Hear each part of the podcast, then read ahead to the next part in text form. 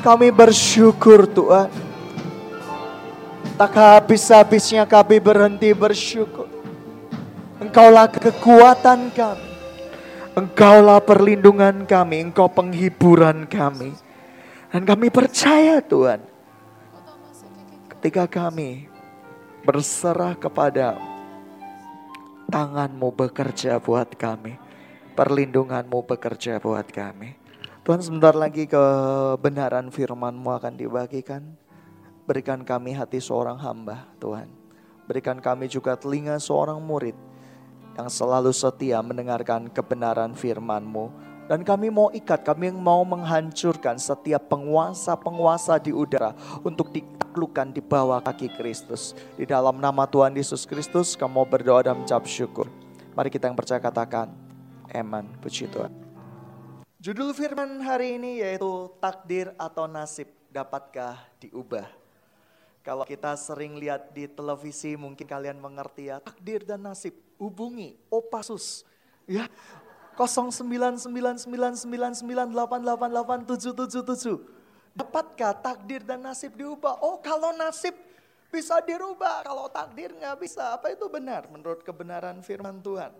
Saudara, hari-hari ini kebenaran firman Tuhan tuh berbicara kuat buat kita semua. Siapa yang di dalam dirinya kepingin dapat kehidupan yang lebih baik? Yang mungkin dulunya ya kan orang tuanya yaitu menjadi pemulung. Sekarang siapa yang kepingin jadi raja pemulung?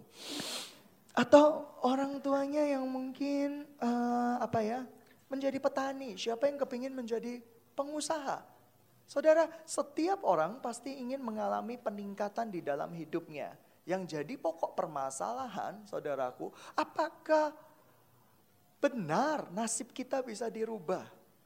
Saudara, kita sering dikutuki saudaraku. Waktu kecil kita sering dikutuki oleh tetangga, oleh tante, mungkin oleh paman kita. Ya nasibmu nggak bisa dirubah. Ya kamu pasti tetap segini. Yang turunannya turunannya orang miskin ya tetap miskin untuk selama-lamanya saudaraku. Ya seperti itu.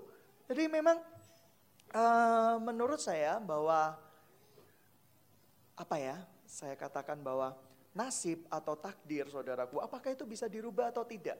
Mari kita bicara kebenaran firman Tuhan hari ini. Kita buka kitab Mazmur. Kita buka Mazmur 119 ayat 103. Saudara, janji Tuhan tuh ya dan amin buat kita semua. Kalau Tuhan sudah berfirman, tidak ada satupun yang bisa menggagalkannya di dalam kehidupan kita. Amin ya. Mazmur 119 ayat 103. Saya bacakan, betapa manisnya janji-janjimu itu bagi langit-langitku, lebih daripada madu bagi mulutku. Saudara, janji Tuhan itu manis. Kita harus sadar di awal penciptaan kita, Tuhan selalu menjanjikan yang terbaik di dalam kehidupan kita. Tidak ada nasib buruk. Tuhan tidak mungkin memberikan nasib buruk kepada orang-orang yang dikasihinya. Tuhan tidak pernah menetapkan seperti ini. Hei, engkau kukirimkan ke dunia ini, engkau akan menjadi pemulung selama-lamanya. Amin. Sampai kedatanganku kedua kalinya. Tetaplah setia menjadi pemulung. Tidak ada yang seperti itu. Karena manusia merasa Tuhan tidak baik karena manusia tidak mengerti kasih setia Tuhan sehingga dia mulai berkata seperti ini. Mungkin Tuhan kepingin aku jadi pemulung seumur hidupku. Oh mungkin aku harus tetap setia dengan profesiku ini. Kalau ini kehendak Tuhan. Saudara Tuhan tidak pernah berkehendak yang buruk di dalam kehidupan kita. Tuhan tidak pernah berkehendak sesuatu yang jelek di dalam kehidupan kita. Manusialah yang merasa Tuhan punya pikiran jelek sama kita. Contoh, saudara, saya merasa Tuhan tuh jahat di dalam kehidupan saya ketika Tuhan ambil nenek saya. Saya dan nenek saya lebih dekat saudaraku karena saya dibesarin saudaraku oleh nenek saya sebagian besar. Saya merasa Tuhan tuh kok uh jahat ya. Kenapa dia harus ambil nenek saya? Bukankah firman Tuhan waktu itu saya SMA? Ya, saya betul-betul berat sekali menerima kenyataan itu baru bertobat dipanggil Tuhan. Waduh, saya ingat seminggu sebelum nenek saya dipanggil Tuhan. Dia berkata seperti ini, bawa saya ke gereja. Saya pikir nenek saya bercanda. Saya tuntun dia untuk terima uh, Tuhan Yesus sebagai Tuhan dan Juru Selamatnya. Ya, ayo nek, terima Tuhan Yesus sebagai Tuhan dan Juru Selamat. Kebetulan waktu itu nenek saya agak stroke, jadi dia mau nggak terima Yesus sebagai Tuhan Juru Selamat? Kalau mau, Yesus di hatiku. Ya, nenek saya berkata, Yesus di hatiku. Seminggu kemudian, nenek saya meninggal. Saya berkata bahwa saya memimpikan pergi gereja bareng sama dia.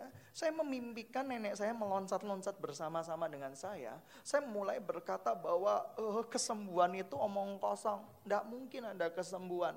Oleh karena itu saudaraku mungkin karma sekarang saya dijadikan Tuhan menjadi pengkhotbah kesembuhan. ya Karena saya nggak percaya dengan adanya kesembuhan. Saya percaya hanya dokter, hanya rumah sakit yang terbaik. Saya merasa kalau saya orang kaya, mungkin nenek saya bisa diselamatin dengan fasilitas rumah sakit yang wah, yang rumah sakit yang mewah, mungkin nenek saya bisa diselamatin. Tetapi saudaraku ternyata saya punya pikiran buruk sama Tuhan. Satu hari saya dikasih kesempatan saya akhirnya ngerti apa yang maksud dengan saksi-saksi dan awan-awan saksi yang mengelilingi kita. Suatu hari di awal pertobatan saya, saudaraku, saya sempat tengking itu. Tiba-tiba nenek saya datang, saudaraku. Datang. Dia dengan pakai jubah putih, saudaraku ya. Uh, saya nggak lihat lingkaran, terus terang. Seperti yang digambarkan, lingkaran kuning, melayang-layang. Enggak, enggak saudaraku. Nenek saya pakai jubah putih biasa, seperti pakaian hanya bentuknya kayak uh, putih ya, putih seperti itu. Dia cuma berkata seperti ini. Dia cuma senyum ketika saya bertobat, saudaraku. Waktu pertama kali saya ceritakan kepada kakak pembina saya, kakak pembina saya berkata, itu roh setan. Ya toh, orang yang dipanggil Tuhan itu tidak mungkin kembali lagi. Oh, betul. Iya. Setiap kali nenek saya, saudaraku, uh, datang, saudaraku, bukan datang. Saya cuma lihat dia senyum, hilang, saudaraku. Saya kaget.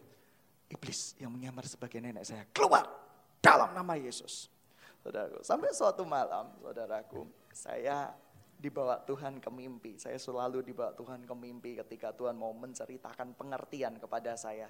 Sebab kalau di alam nyata pasti berontak, betul kan? Akhirnya ditidurkan saja, saudaraku. Uh, mungkin di apa istilah kerennya dihipnotis sama Tuhan dulu gitu ya supaya tidur. Dan di tidur tuh Tuhan cerita, saudaraku. Dia ceritakan ayat, saudaraku. Banyak awan dan saksi yang mengelilingi kita ketika kita berbuat sesuatu. Terus Tuhan berkata, ketika kamu nanti meninggal kamu jadi apa? Jadi malaikat, enggak kan saudaraku? Ketika kamu nanti meninggal kamu jadi apa? Jadi saksi-saksiku. Saya kaget saudaraku ketika mendengarkan pembukaan firman Tuhan ini. Jadi ketika you meninggal, ketika you meninggal, kamu menjadi saksi-saksi kami kalau kamu meninggal di dalam Kristus. Ya, ketika dia menjadi saksi-saksi, saudaraku. Kaget, siapa yang bisa menjadi saksi-saksimu, saudaraku? Mungkin orang-orang yang sudah mendahului kita, saudaraku, dan dia sudah percaya sama Tuhan, dia membagaikan awan saksi yang mengelilingi kita. Hati-hati, saudara. Ya. Mungkin engkong buyutmu, saudaraku, kakek buyutmu, mungkin kakek yot-yot-yotan, saudaraku ya. Mungkin dia bisa menjadi awan saksi yang mengelilingi kita, saudara. Dan itu suatu pembukaan dari firman Tuhan yang luar biasa. Jadi di kerajaan sorga engkau ketika meninggal engkau bukan menjadi malaikat kerup kerubim saudaraku ada pengajaran yang berkata seperti ini. Kalau di dunia engkau nggak melakukan apa-apa kamu nanti di surga dihukum. Dihukum jadi apa? Jadi patung malaikat. Ya kan Wih, jaga di sana sampai keabadian. Saya nggak bisa bayangin saudaraku ya. Itu nah nakut-nakutin supaya nggak bekerja di ladang Tuhan. Tetapi betul ada cerita yang kebenaran. Saudara, kerajaan surga adalah profil kerajaan. Kamu bisa makan di sana semeja dengan hidangan Tuhan, saudara. Kamu bisa melakukan aktivitas sehari-hari. Mungkin kamu bisa main sepak bola, mungkin kamu bisa swim, kamu bisa renang. Dan ini firman Tuhan. Saudaraku, contoh. Firman Tuhan di kitab Ayub berkata apa? Kamu akan makan semeja dengan hidanganku. Itu berbicara Tuhan mempersembahkan hidang-hidangannya enggak? Hidang-hidangan cuma hidangan di sorga memang tidak seperti yang di bumi ini. Contoh, tikus bakar, kucing rebus, tidak ada di sana saudaraku. Karena di kerajaan sorga itu makanannya enak-enak saudaraku. Tetapi tidak berbau yang seperti seperti itu. Artinya apa? Bahwa kehidupan kita yang sekarang menentukan siapa kita di kerajaan sorga. Kalau di tempat ini engkau menjadi pengatur OHP, dan hidupmu tidak betul-betul untuk Tuhan dan tidak betul-betul untuk radikal untuk Tuhan, mungkin di kehidupan mendatang, saudara, di kerajaan seribu tahun, engkau sih masuk surga. Cuma jadi pengatur OHP juga, saudaraku ya. Artinya apa? Tidak ada peningkatan. Tuhan berbicara kalau kamu mau diubahkan, engkau akan memperoleh, saudara terjemahan bebasnya, engkau akan memperoleh hidup yang jauh lebih baik di kehidupan yang mendatang. Kehidupan mendatang itu ada. Kerajaan sorga itu ada. Yerusalem baru itu ada. Itulah yang harus kita kejar. Bukan kehidupan di bumi ini yang harus kita kejar. Saya mau katakan, nasib dan takdir bisa dirubah. Karena satu hal yang harus kita tahu, Allah kita tidak pernah merancangkan sesuatu yang buruk di dalam kehidupan kita Amin. Amin. Saudaraku, alam mana yang mau merancangkan sesuatu yang buruk di dalam kehidupan kita? Tidak ada. Kitalah yang merasa Allah itu merancangkan sesuatu yang buruk buat kehidupan kita. Tidak ada takdir yang buruk bagi orang yang percaya kepadanya. Takdir anak-anak Tuhan. Satu, pasti masuk surga. Yang kedua, pasti akan menjadi penguasa di bumi dan di sorga. Yang ketiga akan menjadi saksi-saksi bagi Kristus. Itu takdir orang percaya. Tapi takdir manusia, takdir Tuhan tidak bisa dirubah. Memang takdir Tuhan tidak bisa dirubah. Karena ketetapan Tuhan yaitu kita menjadi bangsa yang apa? Bangsa yang terpilih, bangsa yang besar, imamat raja nih. Bangsa yang akan Saudaraku, ini janji Tuhan luar biasa itu kalau kalian lihat di warta, saya ya juga baru baca.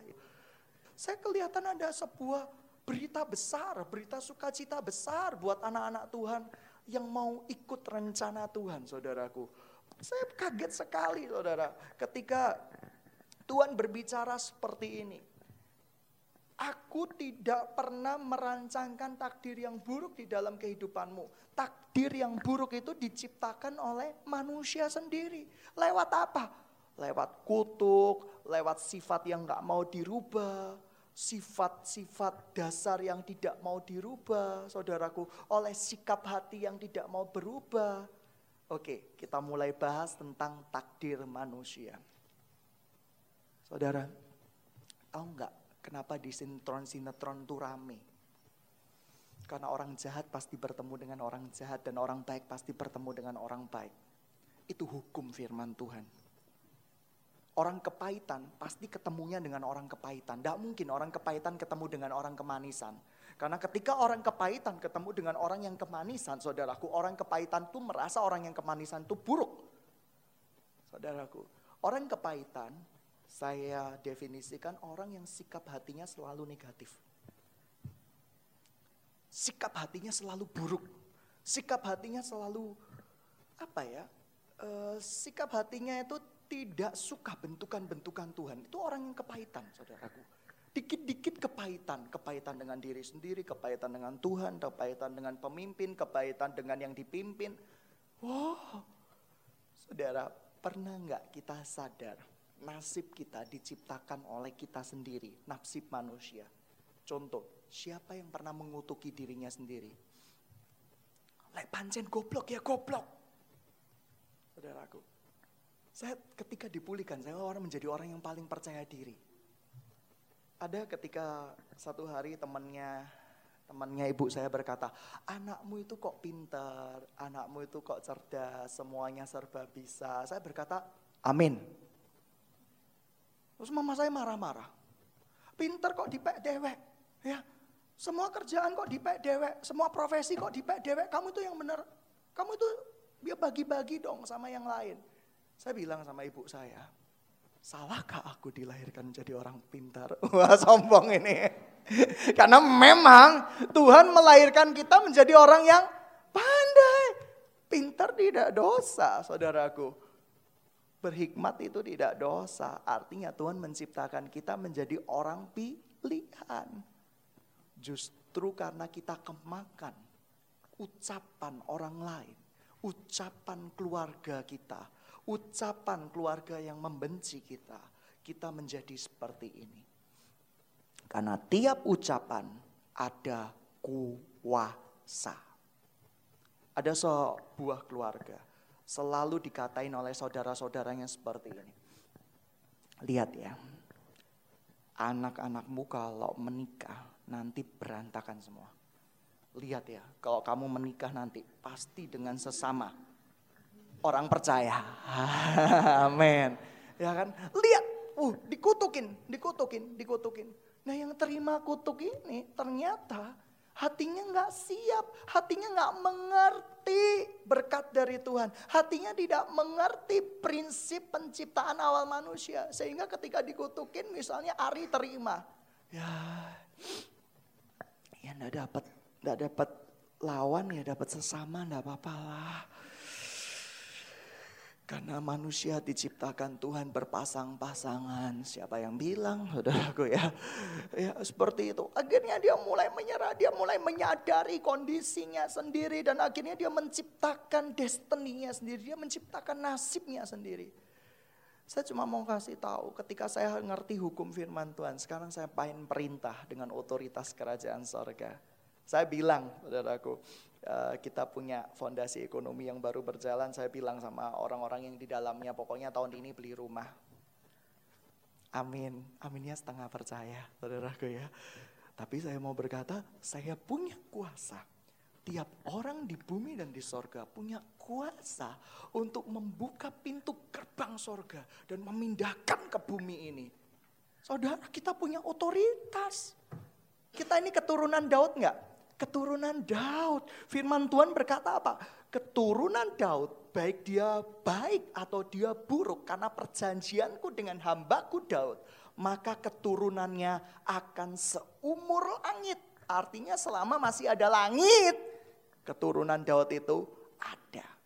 Yang jadi pokok permasalahan, kita nggak mengerti bagaimana cara menggunakan kuasa itu supaya bekerja di bumi. Ini pengajaran dikit.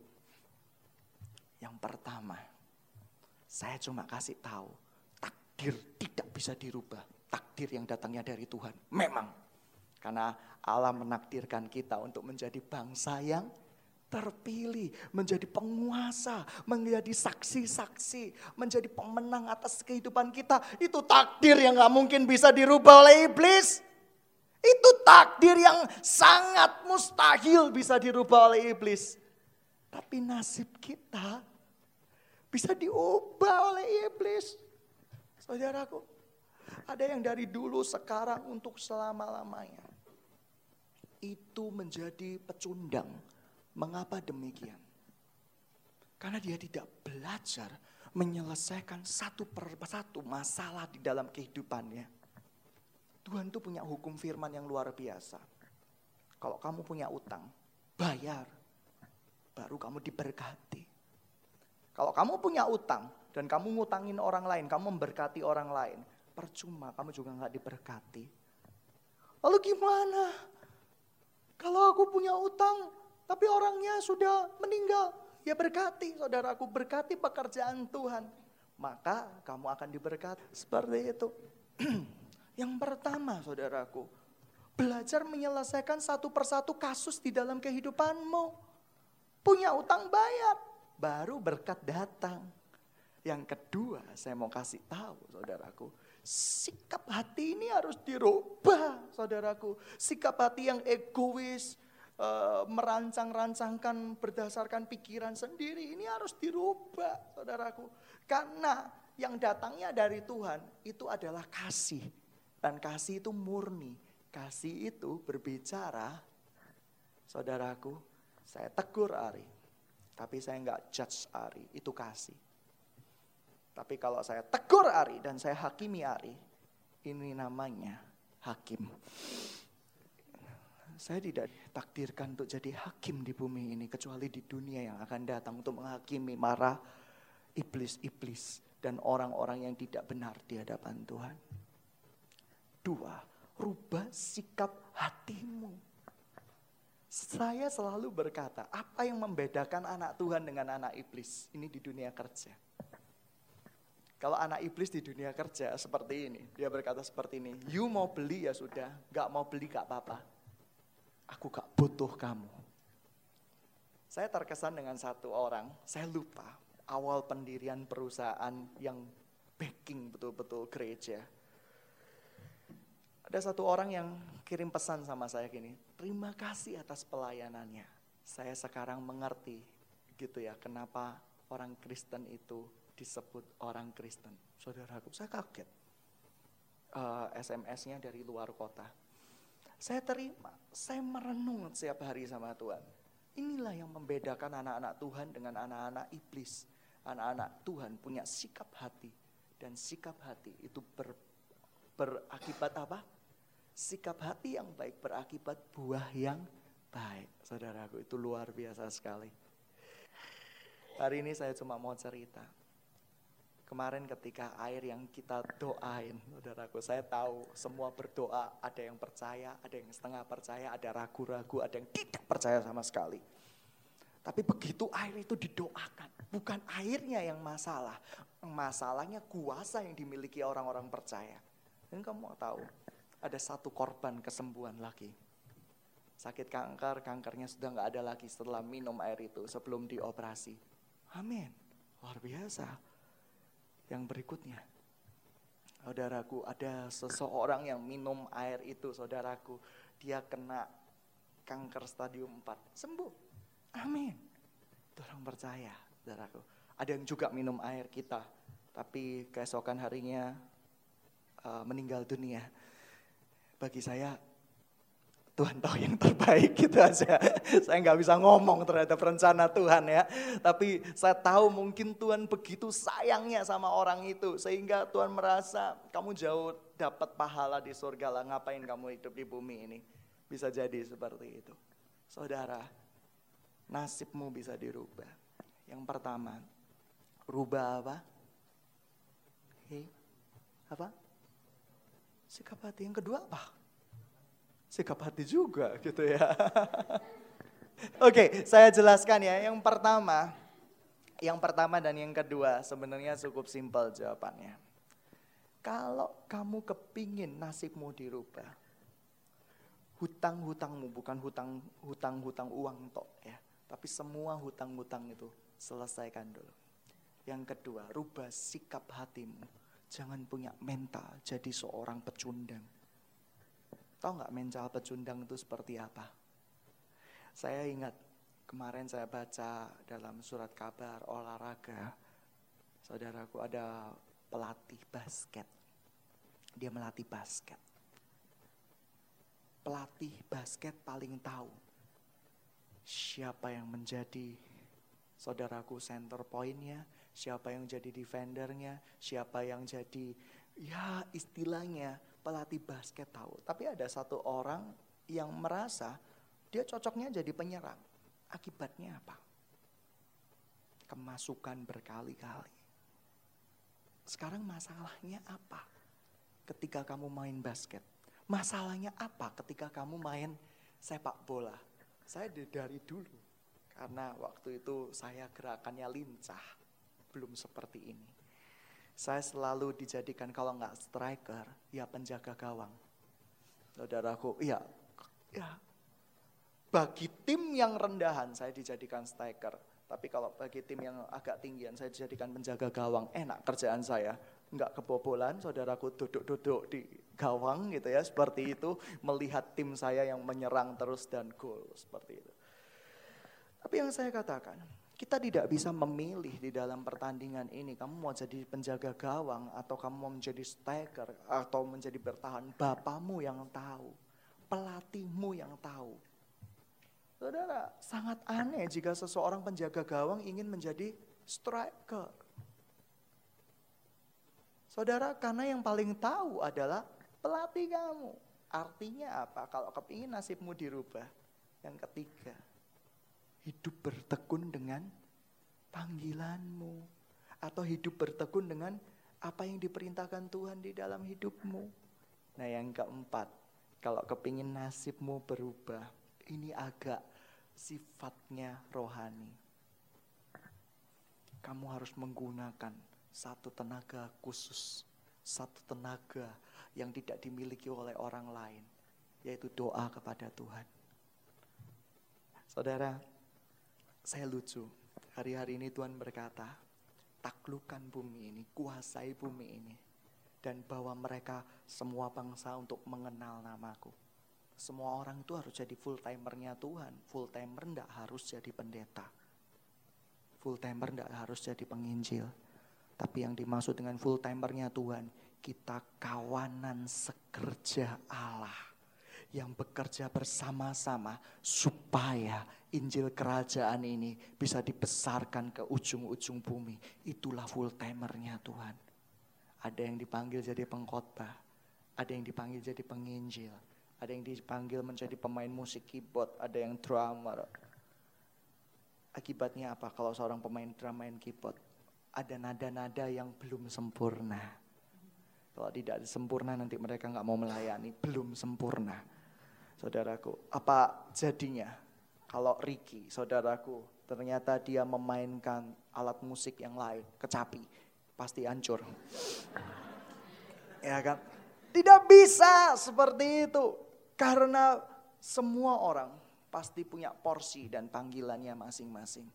Saya mau ajarkan tentang kuasa untuk merubah nasib yang keempat doa di sorga itu ada pintu gerbang yang besar sekali. Saya pernah ke sana. Saya pernah ke sana. Waktu SMA perguruan tinggi, saya kurang tahu waktu tepatnya. Istilahnya waktu itu mau mati dan memang mati. Kurang kerjaan waktu dulu. Dulu kalau saya marah sama Tuhan, kerjaan saya satu, minum obat, saudaraku. Artinya obatnya itu CTM, CTM tuh saya minum 10 biar bisa tidur, saudaraku ya. Akibatnya tambah lemas, saudaraku. Supaya bisa menimbulkan efek sedatif tidur, uh, ngantuk seperti itu. Saya sudah kepingin melupakan semua hal.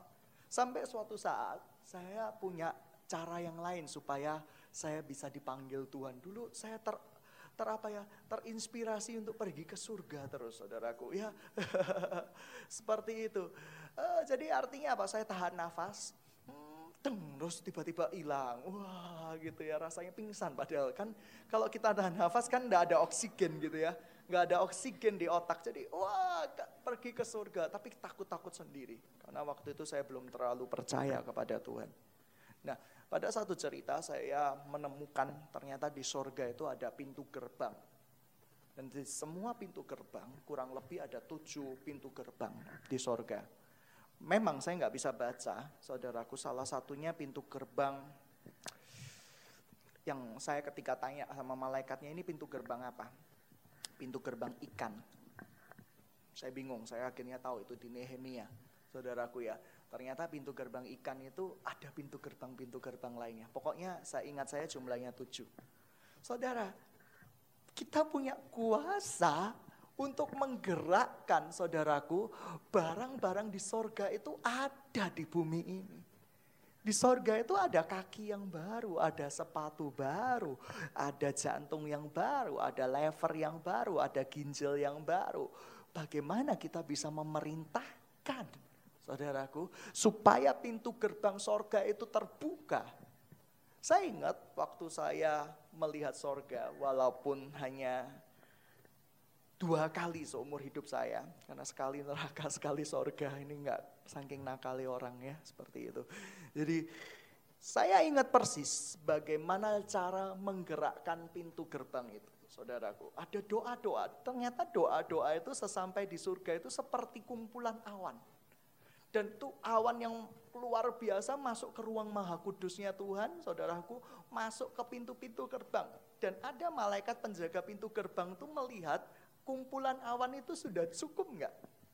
Ketika kumpulan awan itu sudah memenuhi tubuh malaikat itu atau memenuhi pintu gerbang itu, pintu gerbang itu akan terbuka, jebret. Dan saya bisa melaksikan pemandangan yang cukup mengerikan, bagaimana tidak, jantung bisa ya bisa terbang, hilang. Saudaraku, kaki hilang, saudaraku. Dan itu doa dari orang-orang percaya yang bisa menggerakkan pintu gerbang sorga untuk dimasukkan ke bumi ini. Dan hari-hari ini saya praktekkan, saudaraku.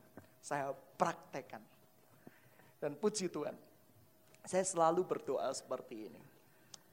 Tuhan, Engkau tahu Tuhan, saya hari-hari ini ketika berlima eh, perusahaan ini berdiri, kira-kira 70-80 persen untuk kamu, rata-rata Tuhan.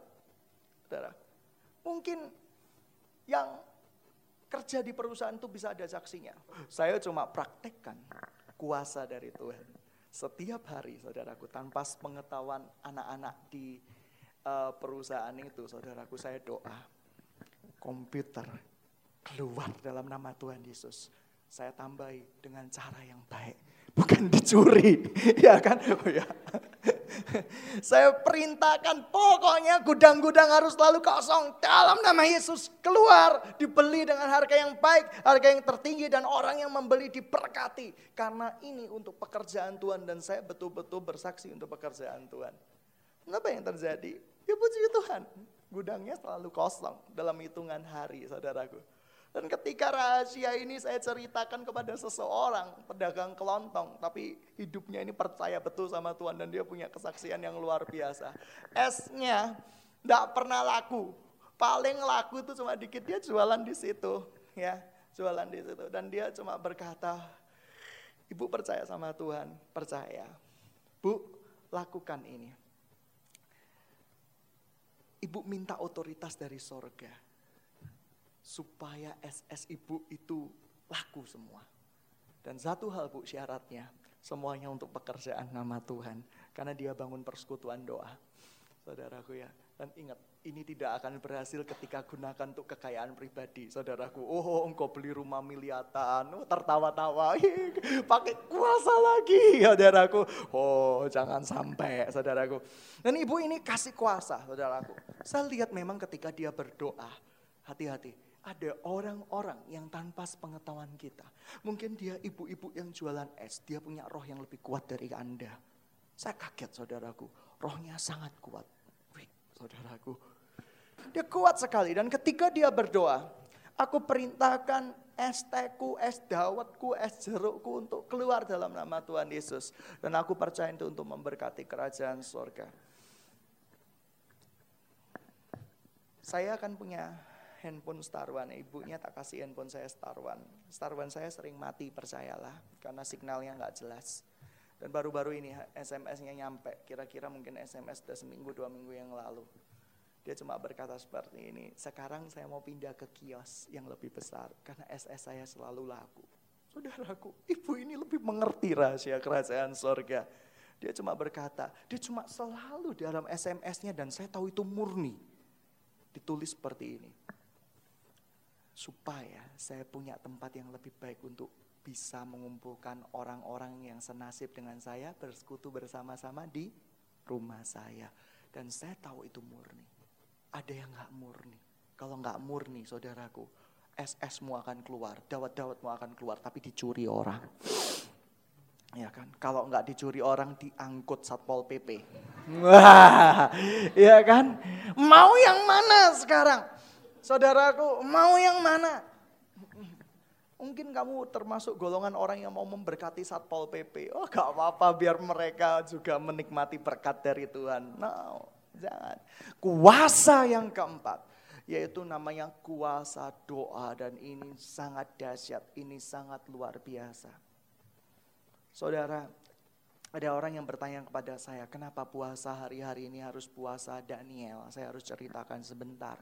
Ngerepot-ngerepotin orang gitu ya saya cuma mau kasih tahu siapa yang mau ikut, yang nggak mau nggak usah ikut. Karena puasa Daniel ini berat, saya sendiri pun terpancing emosi saya, betul. Ketika saya sudah lapar, saya mau bikin mie. Istri saya berkata, ini ada micinnya. Hmm, setengah ngempet, setengah sedikit marah, saudaraku. Hmm, sudah saya lepaskan sambil sedikit apa ya sedikit sedikit meratapi perut yang terus-menerus genderang perang. Saudara, puasa Daniel ini saya jelaskan sebuah puasa yang untuk betul-betul melemahkan tubuh jasmanimu. Bukan melemahkan tubuh jasmani, maksudnya melemahkan jiwamu dan menguatkan rohmu. Di zaman Adam dan Hawa tidak ada kambing bakar. Di zaman Adam dan Hawa tidak ada babi panggang di zaman Adam dan Hawa tidak ada guguk guling. Di zaman Adam dan Hawa tidak ada yang namanya ya rica-rica no. Di zaman Adam dan Hawa tidak ada yang fuyung hai atau siomay no, tidak ada. Adakah di seluruh Alkitab tertulis seperti itu? Makanya umurnya panjang-panjang. Kenapa kok umurnya panjang-panjang? Karena benda-benda itu adalah raw material. Tahu nggak? Buah-buahan itu raw material. Materi yang belum diolah. Dan segala sesuatu yang belum diolah itu khasiatnya dahsyat. Ketika kita makan buah belum diolah, itu ada enzim yang membantu pencernaan. Dan percayalah, itu yang membuat kamu sangat awet muda. Umurmu bisa diperkirakan kurang lebih bisa 200 sampai 300 tahun. Lu serius? Ini sangat serius. Artinya gini, kalau kalian tidak memahami hukum tubuh dari Tuhan, sakit. Jangan bilang takdirku kok sakit. Yo karena manusianya sendiri. Hari-hari ini ketika saya dapat pencerahan, percayalah. Saya berusaha menurunkan berat badan saya. Saya cuma berkata, Tuhan, saya tidak mau jadi hamba Tuhan yang diberkati. Tapi tugas saya di bumi belum selesai. Engkau sudah angkat saya menjadi saksi-saksimu, oh Tuhan. Jangan, saya nggak mau.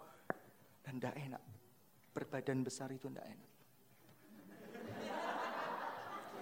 Bagi orang-orang yang berbadan besar, perut selalu lapar.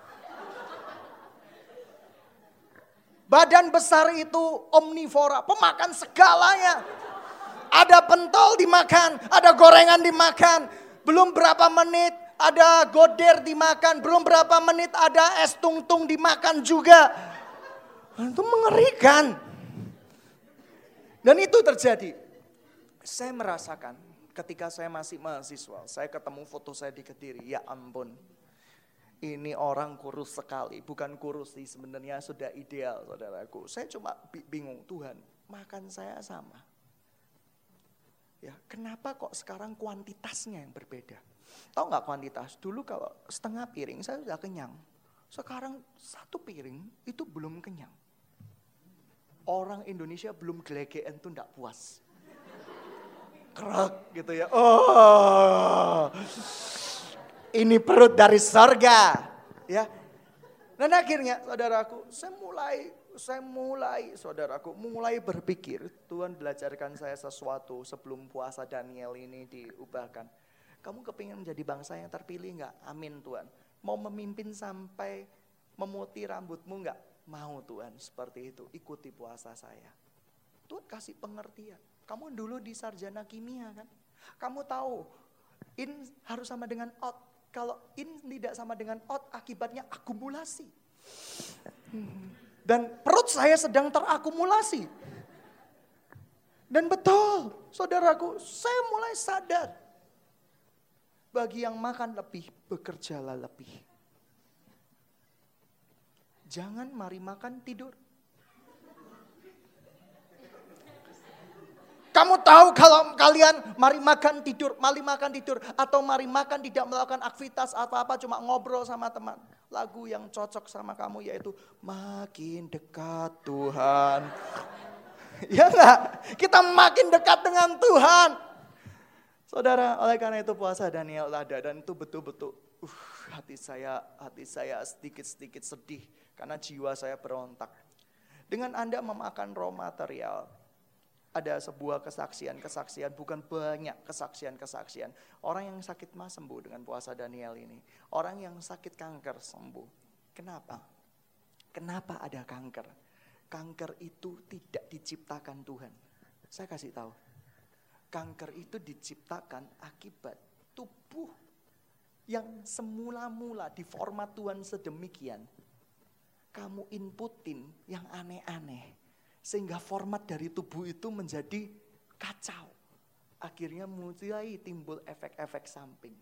Sekarang saya mau tanya, bagaimana menghancurkan kanker? Oh ini pengobatan dari Tuhan loh.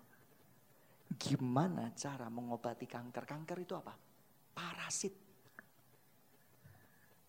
Sekarang coba para sarjana-sarjana.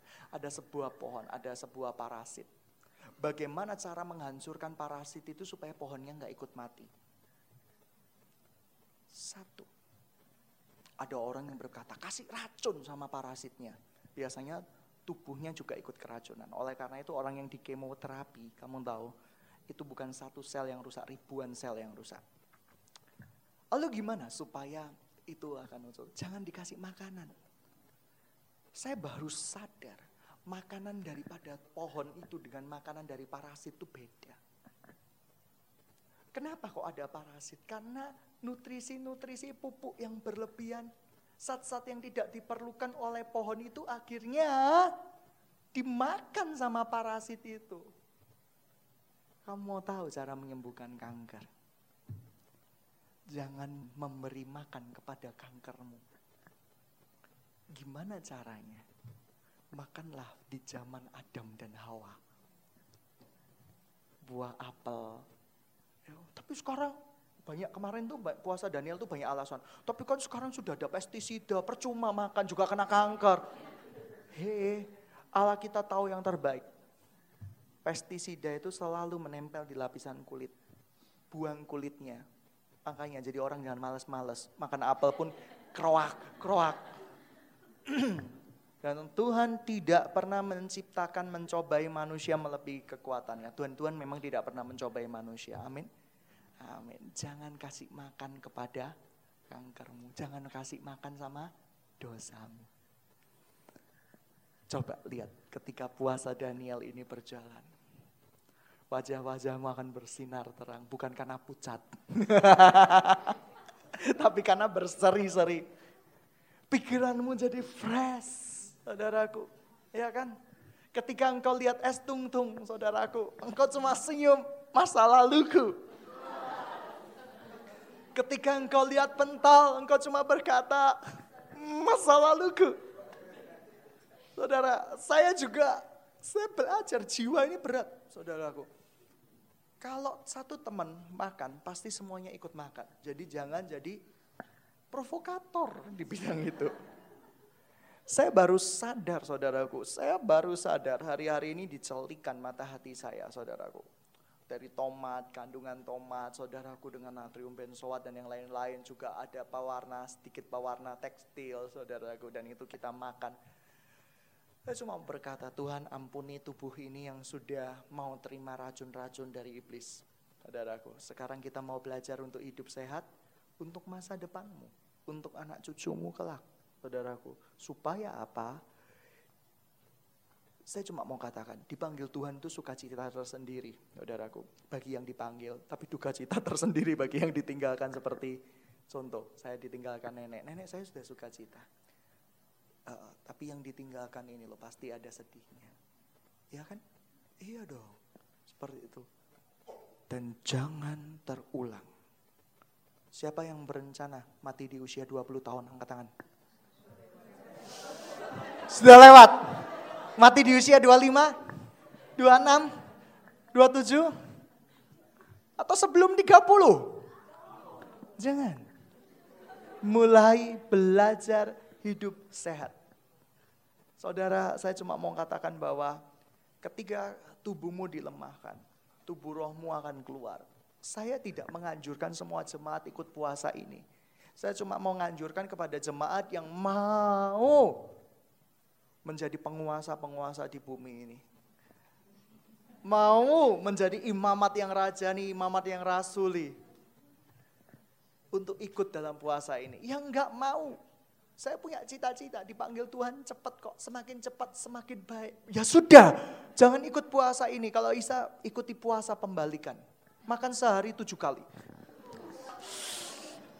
Ya kan? Uh, dahsyat, dahsyat sekali ya, seperti itu. Mari kita belajar ayat berikutnya. Hari ini kita belajar ayat. Ini dahsyat, ini luar biasa. Mazmur 119 ayatnya ke 112. Manusia ini punya kecenderungan hati berbuat dosa, percayalah. Sekarang saya mau tahu, tanya, Ketika para perempuan disodori cowok yang kelihatannya cakep. Kelihatannya. Oh belum tentu dalamnya cakep. Atau sudah luarnya jelek, dalamnya juga ikut jelek. Wah sempurna. Dan saya mau kasih tahu siapa yang minimal nggak pernah tergoda, pasti ada godaan, saudaraku. Aduh, tuntutan. Saya cuma mau kasih tahu baik berpasangan, baik single, itu kehendak Tuhan. Saya mau kasih tahu kalau kamu nggak dapetin pasangan yang datangnya dari Tuhan, saya cuma mau berkata, selamat datang neraka di bumi ini. Atau kamu mau berkata bahwa uh, aku ingin menikmati neraka sebelum menikmati surga, ya terserah. Enggak, kalau kita dapetin pasangan yang gak datangnya dari Tuhan, kamu gak bisa berdoa bersama-sama dengan dia. Kamu gak bisa bersekutu bersama dengan dia. Kamu gak bisa membesarkan anak-anak dengan prinsip kasih Kristus. Amin. Amin. Peraturan sekarang, jangan sampai salah menikah. Salah menikah walaupun datangnya dari Tuhan, itu harus berbeda jenis.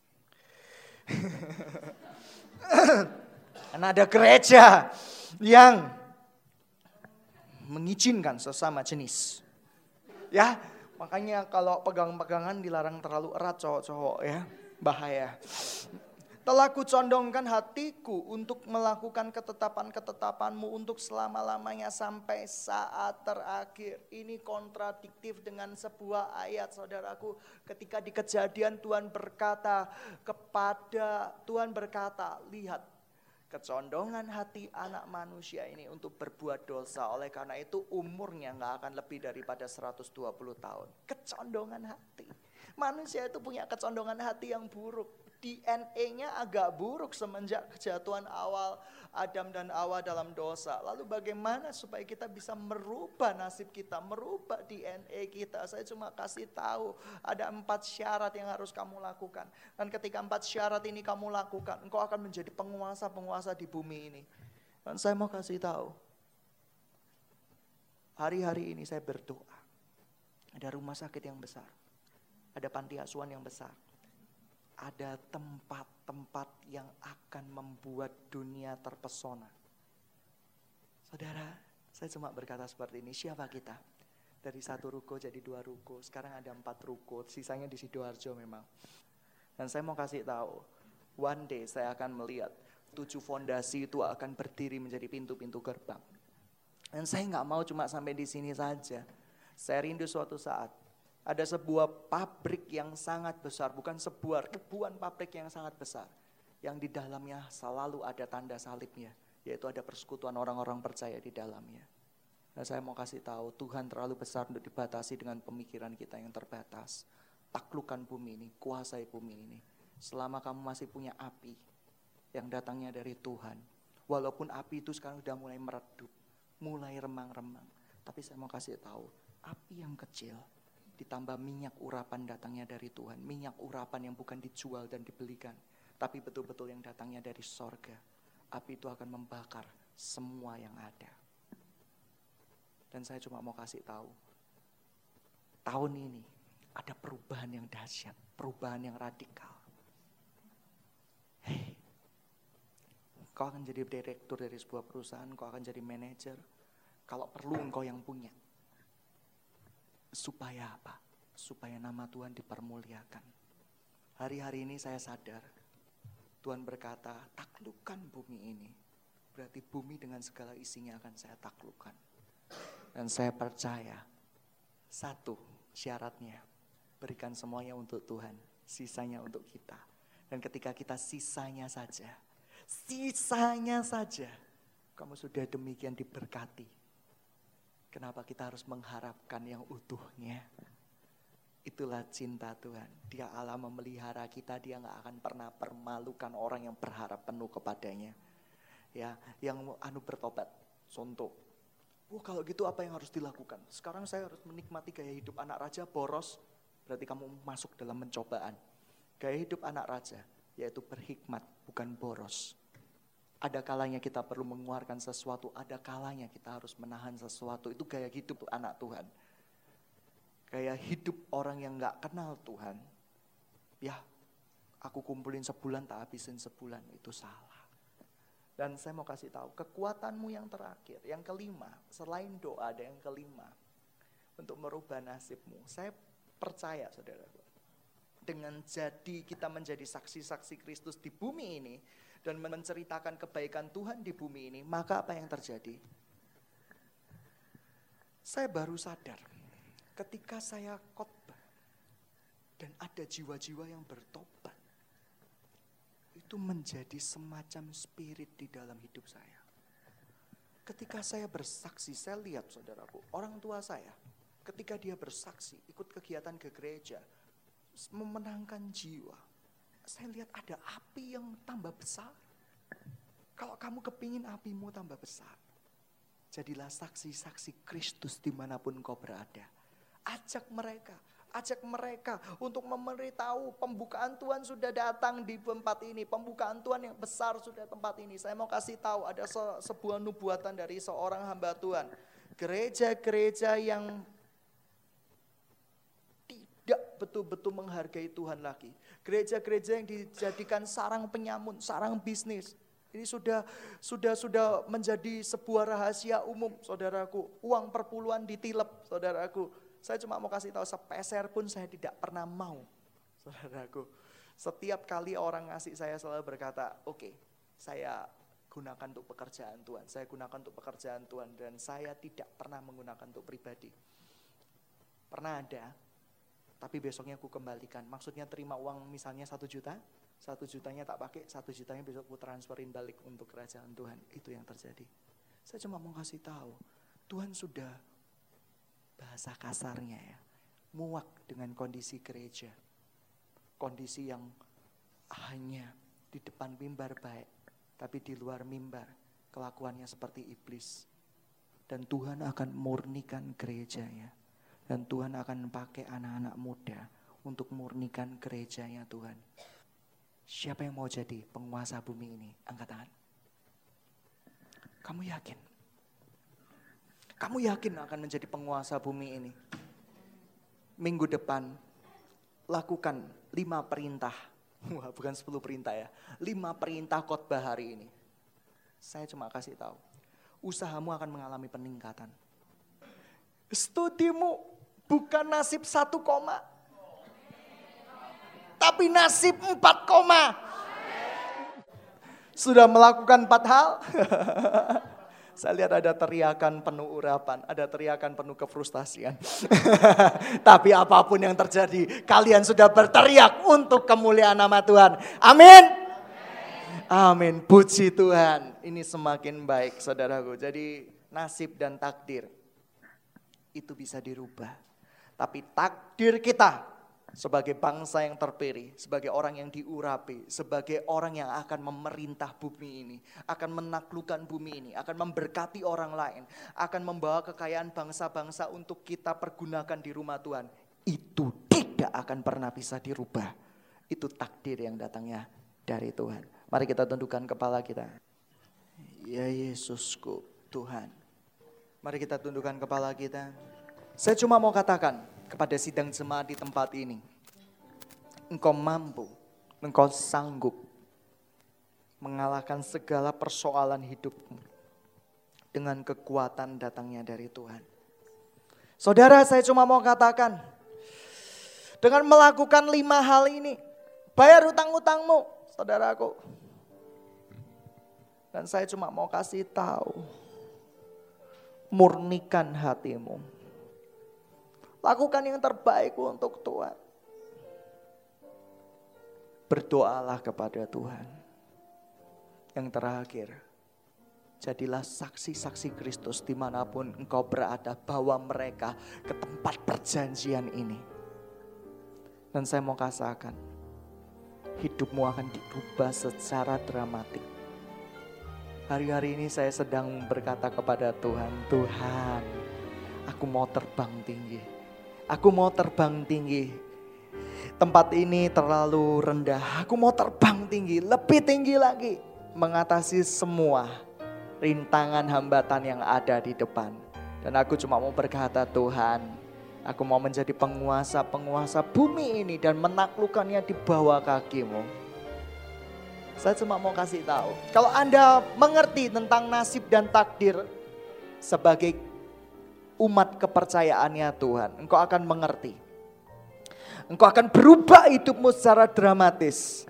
Dan satu hal lagi yang saya mau kasih tahu, ketika engkau menginjakan hari Senin sampai Sabtu, engkau akan memperoleh mujizat-mujizat yang datangnya dari Tuhan. Setiap langkahmu adalah langkah mujizat, setiap langkahmu adalah langkah kemenangan. Bersihkan hatimu, sucikan hidupmu, dan bersedia dibentuk oleh Bapa kita. Terima kasih Tuhan. Aku percaya Tuhan, aku percaya janjimu itu ya dan amin buat kehidupanku. Aku percaya, aku percaya.